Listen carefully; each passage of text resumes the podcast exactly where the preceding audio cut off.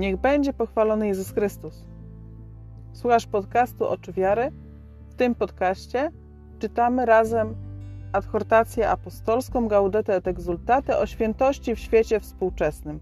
Jest to adhortacja papieża Franciszka, w której on zachęca nas i przekonuje do tego, żebyśmy byli święci, dlatego że świętość jest dana każdemu na mocy chrztu. I mamy po świętość sięgać, mamy być święci, mamy prowadzić święte życie i mamy podążać za Jezusem na całego, na pełnej petardzie, od początku do końca. Tak, by osiągnąć niebo. Zapraszam. Trzeci rozdział adhortacji, który aktualnie czytamy, jest zwieńczony pod rozdziałem pod tytułem Wielka reguła postępowania.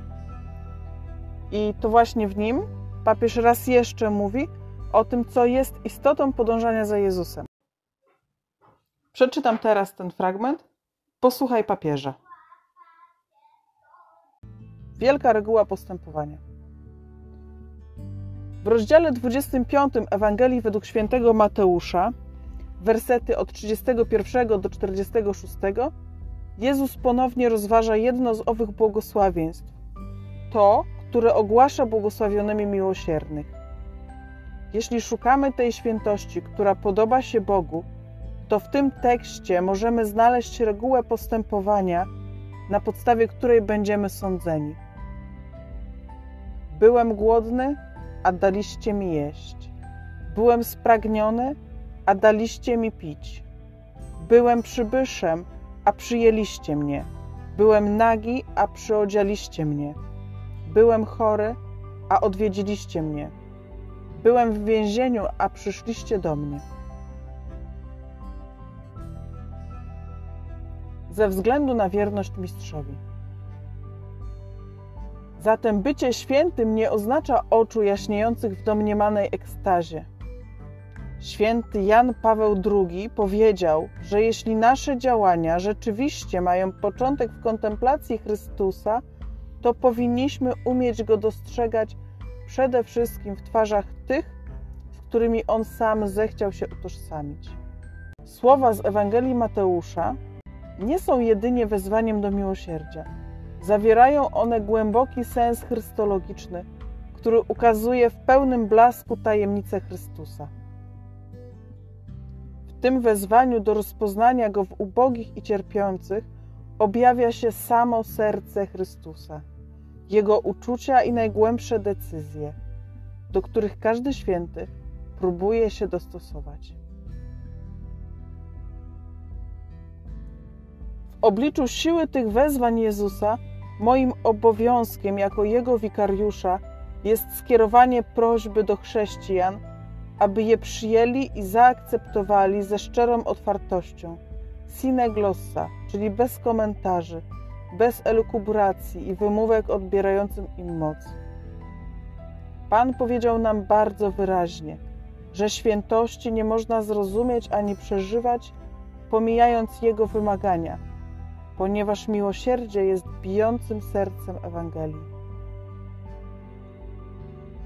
Kiedy spotykam osobę śpiącą na zewnątrz w zimną noc, mogę poczuć, że ten dziwak jest kimś przypadkowym, kto wchodzi mi w drogę, gnuśnym oprychem, przeszkodą na mojej drodze, dokuczliwym cierniem na sumieniu, problemem, który muszą rozwiązać politycy a może nawet nieczystością zaśmiecającą przestrzeń publiczną. Ale mogę także zareagować wychodząc od wiary i miłości, uznając w tym człowieku istotę ludzką, posiadającą taką samą godność jak ja, stworzenie nieskończenie umiłowane przez Ojca, obraz Boga, brata odkupionego przez Chrystusa. To znaczy być chrześcijaninem. Czy da się pojąć świętość bez tego żywego uznania godności każdej istoty ludzkiej? Dla chrześcijan ta postawa oznacza zdrowe i trwałe niezadowolenie. Chociaż przyniesienie ulgi choćby jednej osobie już usprawiedliwiłoby wszystkie nasze wysiłki, to nam to nie wystarcza. Biskupi Kanady powiedzieli to wyraźnie ukazując, że w nauczaniu biblijnym dotyczącym przykład jubileuszu chodzi nie tylko o przeprowadzenie pewnych pięknych akcji, ale o dążenie do przemiany społecznej. Aby także przyszłe pokolenia były wyzwolone, oczywiście celem powinno być przywrócenie sprawiedliwych systemów społecznych i ekonomicznych, aby nie było już wykluczenia.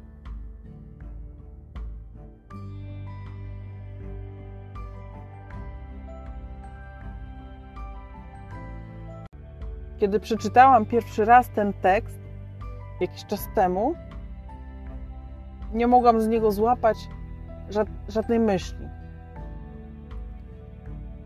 Pewnie rozpuściła mnie regularność błogosławieństw, które rozważaliśmy wcześniej i regularność rozważań dotyczących tych błogosławieństw.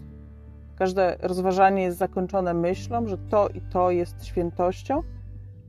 A tutaj znów wracamy do myślenia bardziej, bardziej szerokiego, szerszego. Więc czytałam ten tekst drugi raz, i trzeci, i czwarty. W końcu usiadłam na spokojnie i przeczytałam.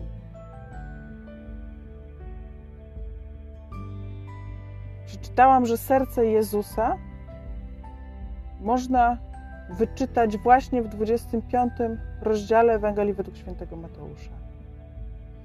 Słowa z Ewangelii Mateusza nie są jedynie wezwaniem do miłosierdzia. Zawierają one głęboki sens chrystologiczny, który ukazuje w pełnym blasku tajemnicę Chrystusa. Tak pisał jeszcze Jan Paweł II, którego tutaj papież Franciszek cytuje. A potem Papież Franciszek mówi coś bardzo podobnego, ale nie używa już sformułowania głęboki sens chrystologiczny, który ukazuje w pełnym blasku tajemnicę Chrystusa, bo blask tajemnicy Chrystusa i głęboki sens chrystologiczny to sformułowania, które mówią bardzo wiele teologom. Natomiast dla nas często są trudne. Papież Franciszek pisze tak tym wezwaniu do rozpoznania Go w ubogich i cierpiących objawia się samo serce Chrystusa, Jego uczucia i najgłębsze decyzje, do których każdy święty próbuje się dostosować. Serce Chrystusa, Jego uczucia, najgłębsze decyzje Jezusa.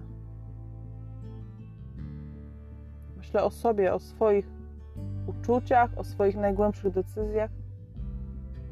Ja jestem człowiekiem i bardzo często coś czuję, coś myślę, coś decyduję, coś chcę, bardzo, bardzo, bardzo chcę i pragnę, ale nie zawsze mi wychodzi. Ostatnio najbardziej rozbijam się w tym temacie w swoim macierzyństwie, bo bardzo bym chciała być dla moich dzieci lepsza, lepsza. Chciałabym być dla nich cierpliwsza, chciałabym im okazywać więcej moich najgłębszych uczuć względem nich, ale nie zawsze się to udaje. A tutaj papież mówi o najgłębszych uczuciach Jezusa. Rozumiesz, jakie to ważne? Najgłębsze uczucie Jezusa. W wezwaniu do rozpoznania Go w ubogich i cierpiących objawia się samo serce Chrystusa. Jego uczucia i najgłębsze decyzje. Ta wielka, wielka miłość, której my tutaj, będąc na ziemi, nie jesteśmy w stanie pojąć do końca.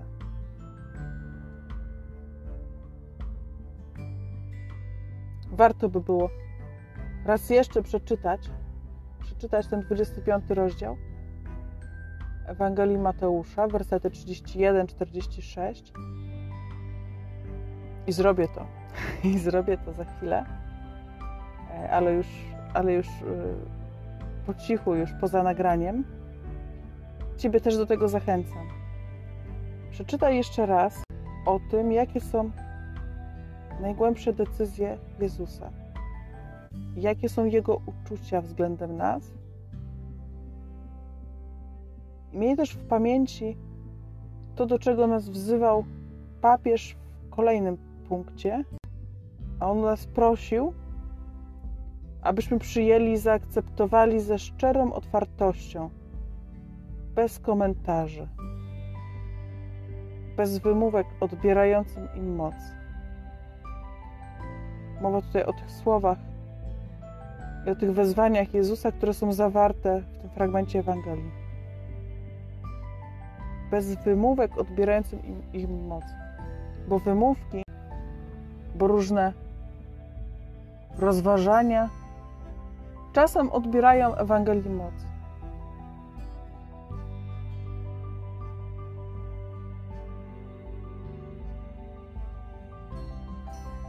Nie robiłam tego jeszcze tutaj nigdy chyba, albo nie pamiętam. Mam ochotę Ciebie prosić, módl się, módlmy się razem o to, żeby, żeby Ewangelia nas przenikała, przemieniała, żebyśmy, żebyśmy się zamieniali w Ewangelię, żeby byli Ewangelią dla innych. Nie tymi, którzy rozważają i z ciekawości chcą z ciekawości y, chcą poznać i jakoś zgłębić Boże tajemnice, ale bądźmy tymi, którzy martwią się o swoje zbawienie. Martwią się o swoje zbawienie i starają się codziennie zrobić to, co, co zrobić trzeba. Upodobnić się do Jezusa.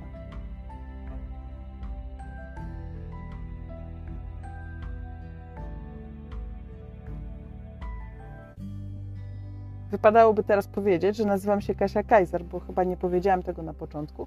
Podcast, którego słuchasz, to podcast Oczy Wiary, o czym chyba już wspomniałam.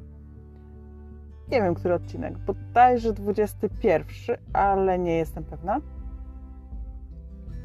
Jeśli chcesz się ze mną skontaktować w jakimkolwiek celu, choćby tylko pomachać do mnie, zapraszam serdecznie na maila kasiamałpak.oczwiary.pl Możesz też zajrzeć na stronę oczywiary.pl. Tam są wszystkie odcinki.